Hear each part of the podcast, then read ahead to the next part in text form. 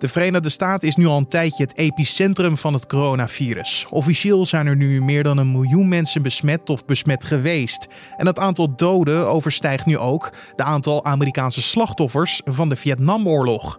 Echter heeft iedereen het nu over het heropenen van Amerika. Want wat zouden de gevolgen zijn van een langere lockdownperiode? We bespreken het in deze Dit wordt nieuws podcast. Uh, tijdens de economische crisis van 2008 verdwenen er in totaal 8,7 miljoen banen in de VS. Uh, momenteel uh, raakt uh, elke 10 dagen zo'n aantal banen verloren. De huidige situatie in Amerika bespreken we straks met buitenlandredacteur Matthijs Lelou. Maar eerst kijken we kort naar het belangrijkste nieuws van nu. Mijn naam is Carne van der Brink. Het is woensdag 29 april en dit is de Dit wordt het nieuws middagpodcast. Forum voor Democratie heeft met afkeur gereageerd op een artikel van HP De Tijd over antisemitische en fascistische uitspraken in WhatsApp-groepen die gelieerd zijn aan de jongerenafdeling van de partij.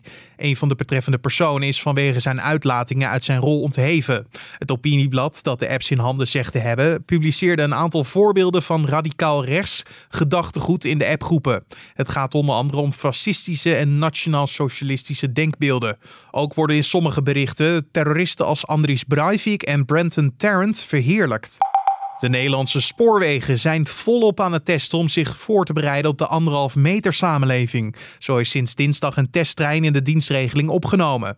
De testtrein is een sprinter die tussen Zwolle en Groningen rijdt. In de trein zijn stickers geplakt waarop staat dat reizigers onderling anderhalf meter afstand moeten houden. En daarnaast zijn sommige stoelen afgeplakt, zodat reizigers op voldoende afstand van elkaar zitten en hangen er kunststofschermen in de trein. En verder heeft de NS zich nog niet verder uitgelaten over een eventueel voorrang voor reizigers met vitale beroepen. Dat besluit wordt aan de politiek gelaten. En het kabinet is nu nog niet van plan om het collegegeld van studenten die door de coronacrisis vertraging in hun studie hebben opgelopen, kwijt te schelden. Er wordt eerst onderzocht welke groepen studenten het meest in de knel komt voordat er maatregelen worden genomen. Minister Ingrid van Engelshoven van Onderwijs, Cultuur en Wetenschap wil in eerste instantie alles op alles zetten om studievertraging te voorkomen. Dat geldt vooral voor laatstejaars. Zij hebben tot 31 augustus om hun studie af te ronden. Ook moet eerst de groep studenten in kaart worden gebracht die als eerste noodhulp nodig heeft. Daarna wordt gekeken welke instrumenten daarbij het beste passen. Al dus de bewindsvrouw. En Nederlanders zijn zich in de loop van de coronacrisis meer zorgen gaan maken over hun eigen gezondheid en de gezondheid van hun familieleden. Dat blijkt uit tussentijdse resultaten van een enquête van het RIVM en het Nederlands Instituut voor Onderzoek van de Gezondheidszorg. Verder blijkt het vertrouwen in het RIVM en de Rijksoverheid vanaf het begin onverminderd groot te zijn. De behoefte aan informatie over het coronavirus is de laatste tijd wel iets afgenomen. En dan nog even de dagelijkse update van het RIVM. Vandaag hebben ze 145 nieuwe sterfgevallen en 76 nieuwe ziekenhuisopnames gemeld. Dat is minder dan vorige week dinsdag, toen 165 nieuwe sterfgevallen en 118 nieuwe ziekenhuisopnames werden gemeld. Normaliter worden op dinsdag een relatief groter aantal sterfgevallen en ziekenhuisopnames gemeld. Dat komt doordat de meldingen van vrijdag, zaterdag en zondag op maandag worden verwerkt en gerapporteerd. Deze week was het natuurlijk maandag Koningsdag, waardoor de piek in de meldingen waarschijnlijk is verschoven naar vandaag. En volgens het RIVM passen de cijfers van de afgelopen dagen nog steeds bij het beeld dat de maatregelen voor het coronavirus werken dan waar ik het heel graag met je over wil hebben vandaag. Dat is hoe een groot land zoals Amerika in zijn greep wordt gehouden door de coronacrisis. In Nederland zien we dat we langzaam met veel voorzichtigheid maatregelen aan het versoepelen zijn. Maar in de Verenigde Staten praten ze alleen maar over het heropenen van het land. Dan moet je denken aan het weer openen van grote winkels, restaurants en fabrieken. Alleen je moet niet vergeten dat het land het zwaarst getroffen land ter wereld is. We gaan hierover praten met buitenlandredacteur Matthijs Lou. En hij schetst voor ons eerst het beeld van hoe groot de voetafdruk van het coronavirus is in de Verenigde Staten. Die is aanzienlijk. Uh, dinsdag werd voor het eerst het aantal van een miljoen bevestigde besmettingen in de VS uh, eh, voorbijgestreefd. Dat is een trieste mijlpaal. En uh, dat betekent dat in ieder geval 1 op de 330 Amerikanen dat daar het coronavirus bij is vastgesteld. En dan hebben we het alleen over de mensen die zijn getest. Dus in werkelijkheid zijn het er waarschijnlijk veel meer. Er zijn tot nu toe meer dan 58.000 doden te betreuren. En dat is meer doden dan vielen tijdens de Vietnamoorlog, om een beetje de, de omvang te schetsen. Ja, en die sterftecijfers die je net aanhaalde, het erge daaraan is, is dat er nu berichten zijn dat het in feite uh, over veel meer doden gaat dan we nu eigenlijk weten. Ja, het Amerikaanse CDC, dat is het uh, federale RIVM, zeg maar. Die uh, hebben vastgesteld dat in een aantal staten de oversterfte, dus het aantal mensen dat meer doodgaat dan normaal gesproken het geval is, dat die suggereert dat de werkelijke aantallen slachtoffers daar nou, tot 50% hoger kunnen liggen.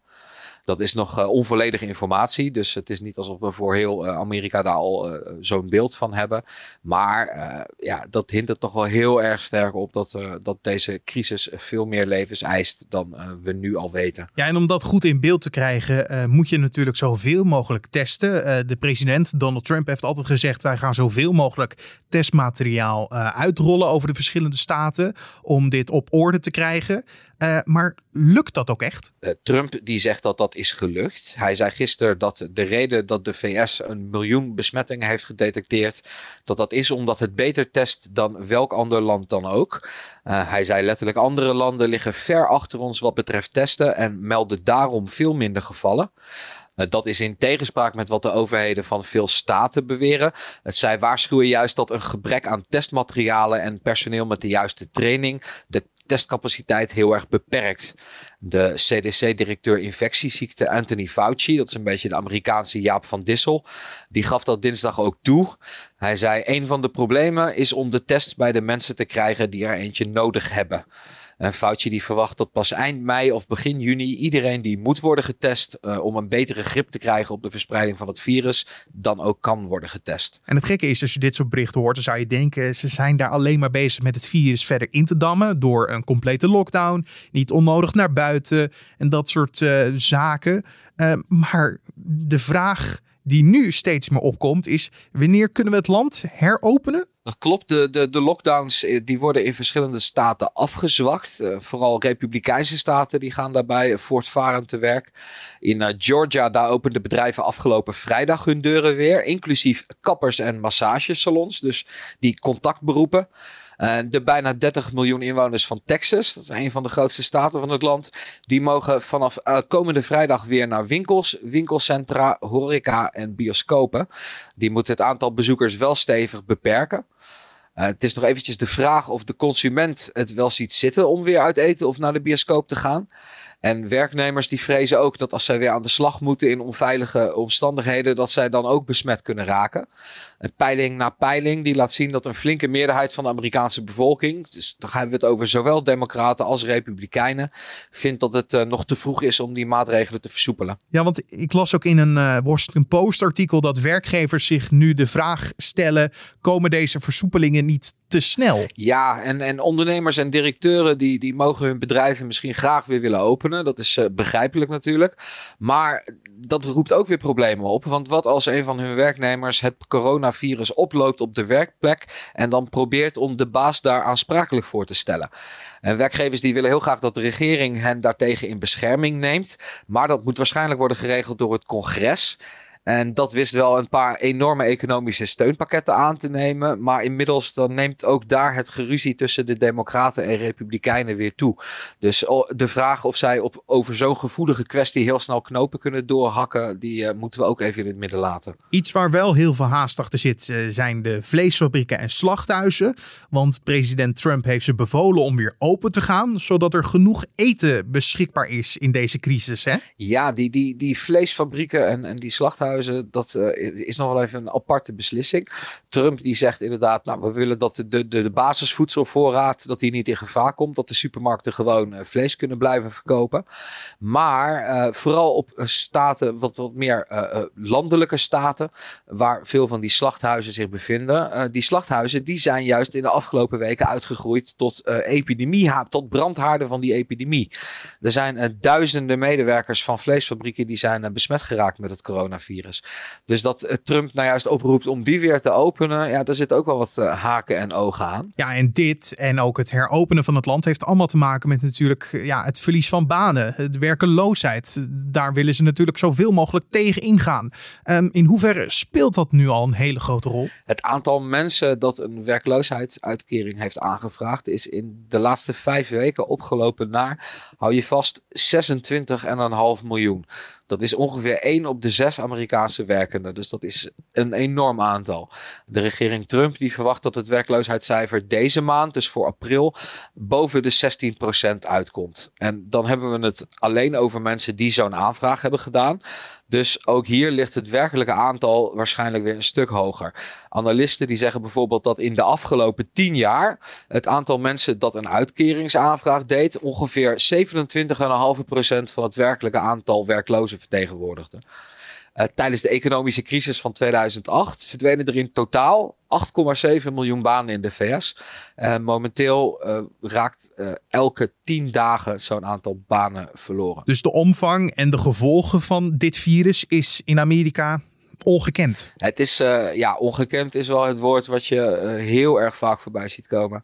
En uh, hier blijkt ook uit peilingen dat inmiddels 9 op de 10 Amerikanen zich zorgen maken over een ernstige economische crisis. Dan even over ja, wie gaat uiteindelijk beslissen wat wel of niet open mag. Want je zou denken dat dat de president is die zich nu heel erg bezighoudt met de economie. Hij hoopt bijvoorbeeld dat aan het eind van het jaar de Amerikaanse economie weer in bloei staat. Maar trekt hij nou aan het langste eind of doen dat toch de gouverneurs van de verschillende staten? Ja, dat blijft een, een politiek steekspel tussen de gouverneurs en uh, Washington. De gouverneurs hebben uh, heel vergaande bevoegdheden. Je kunt zo'n gouverneur eigenlijk zien als, als de president van een staat. Uh, de staten hebben ook hun eigen parlement. Dus de staten mogen heel veel beslissingen zelf nemen. Daarom is nou niet helemaal duidelijk in veel gevallen wat nou precies de rol van de federale overheid is, welke bevoegdheden Trump heeft. Maar de meeste deskundigen zijn het er toch wel over eens dat bijvoorbeeld een einde van een lockdown, dat moet echt in, in een staat zelf besloten worden. Los van de beslissingen die genomen moeten worden, moet de president natuurlijk ook het volk informeren over de laatste stand van zaken. Dat deed hij uh, in de dagelijkse persconferentie. Die zijn nu on hold gezet. Uh, hij had dat mee te maken dat er te weinig te melden was of uh, heeft het ergens anders mee te maken? Nou, uh, het was niet dat hij te weinig te melden had. Die uh, persconferenties, die dagelijkse coronabriefings, die uh, konden zo drie uur duren. Het was eerder dat Trump heel veel kritiek kreeg, vooral van de pers. Hij deed natuurlijk ook een aantal opmerkelijke uitspraken. Maar het kookpunt werd toch wel bereikt toen hij vorige week suggereerde dat het misschien een idee was om schoonmaakmiddelen te injecteren tegen het coronavirus ja, daar kwam zo'n golf van hoon en kritiek op dat de president daar heel kwaad van werd. Hij zei van ja, ik had dat, eh, bedoelde dat eigenlijk sarcastisch. Maar als je de beelden terugkijkt, uh, heel veel sarcasme, dat spreekt er niet uit. En toen kondigde hij maar aan dat hij die dagelijkse briefing voortaan maar zou afblazen. Hij zei van ja, als de, de pers eigenlijk uh, mij zo hard wil aanvallen de hele tijd, dan he heb ik er geen zin meer in. afgelopen weekend werd er eerst weer een persconferentie voor maandag aangekondigd. Die werd vervolgens afgeblazen en uiteindelijk een paar uur voor aanvang bleek dat die toch weer gehouden zou worden. president Trump die zou ook vanavond weer moeten verschijnen. Dus het, het blijft toch nog wel een beetje onduidelijk in hoeverre we die afgelasting serieus moeten nemen. Iets waar we langzaam ook rekening mee moeten houden is dat de verkiezingen steeds dichterbij komen. De herverkiezingen van Donald Trump. Uh, eind van het jaar staan die gepland. Denk je dat dat nu iets is waar hij zich totaal niet mee bezighoudt? Of is hij zich juist daar heel erg bewust van? Ja, de president die lijkt zich daar heel erg bewust van uh, zelfs. Hij uh, rekende eigenlijk voor zijn herverkiezing op de goede staat van de Amerikaanse economie. Want voordat de coronacrisis uitbrak, liep die als een zonnetje. En ja, Trump die dacht van nou, ik zit gebakken. Nu heeft de coronacrisis die, heeft die hele economie onderuit geveegd. En mogelijk gaan we weer nou ja, naar een nieuwe grote depressie toe. Dus die pijler die is nu onder zijn campagne weggeslagen. En je merkt dat hij heel, heel hard probeert om, om een andere strategie te vinden. Hij geeft bijvoorbeeld anderen de schuld. Hij zegt dat China had veel beter moeten reageren op de coronacrisis. Hij zegt dat de democraten het slecht doen. Hij valt vooral democratische gouverneurs aan. Hij probeert zichzelf af te schilderen als een president in oorlogstijd. Uh, hij noemt het virus de onzichtbare vijand. Want de ervaring leert dat de Amerikanen traditioneel gezien in oorlogstijd achter hun president gaan staan. Maar door dat wisselvallige optreden bij die briefings bijvoorbeeld blijkt in de peilingen dat, dat dat effect, dat rally around the flag effect, dat Trump daar niet heel veel voordeel uithaalt op het moment. Er zijn ook wat peilingen die bedreigend voor hem zijn, want er zijn de zogeheten swing states, de kantelstaten. Waarschijnlijk zal Trump, als hij herverkozen wil worden, het is niet waarschijnlijk dat hij het, het grootste aantal stemmen krijgt, maar hij moet het via de kiesmannen spelen, net zoals hij in 2016 deed. En daar zijn een aantal staten, heel, een handvol staten is daar heel belangrijk bij. En recente peilingen die zeggen dat Joe Biden, zijn democratische rivaal, het daar momenteel beter doet dan Trump. Dus dat maakt de president zeker wel zenuwachtig. Dat was buitenlandredacteur Matthijs Lelou. En dan het weer. Vanavond zal het in het zuidwesten nog gaan regenen. En later vannacht zal de regen ons land verlaten via het noordoosten. En de minima liggen dan rond de 8 graden. Morgen trekken in de ochtend buien van zuidwest naar noordoost over het land. Daarna klaart het wat op met soms wat zonneschijn. Plaatselijk ontstaat er een bui. En aan het einde van de middag en begin van de avond trekken nieuwe buien het land in. Het wordt dan 13 tot 17 graden. En om af te sluiten nog even een bericht over iemand die echt in een emotionele achtbaan zit. Want de premier van het Verenigd Koninkrijk, Boris Johnson, heeft zijn zesde kind vandaag mogen verwelkomen op deze wereld. Dit is zijn eerste kind met zijn huidige vriendin, de 31-jarige Carrie Simons. Het is voor Johnson een rollercoaster, omdat hij net herstellend is van het COVID-19-virus. Nadat bij de premier het coronavirus was geconstateerd, heeft hij een tijd op de intensive care gelegen. Maar sinds maandag is hij weer aan het werk. En dit was dan de Dit wordt het nieuws podcast voor deze woensdagmiddag 29 april. Je vindt de podcast maandag tot en met vrijdag in de ochtend en in de middag op de voorpagina van nu.nl en in je favoriete podcast app, zoals Spotify of Apple Podcast. Bij Apple Podcast kan je ook een recensie achterlaten. En als je dat doet, help je ook weer anderen deze podcast beter te vinden. Dus doe dat vooral. En heb je nog feedback voor ons? Die kan je altijd sturen naar podcast.nu.nl. Dat is ons mailadres. Mijn naam is Corné van der Brink. Ik wens je een hele mooie dag. En morgenochtend zijn we weer terug met een hele nieuwe en verse ochtendpodcast. En hopelijk luister je dan ook weer. Tot dan.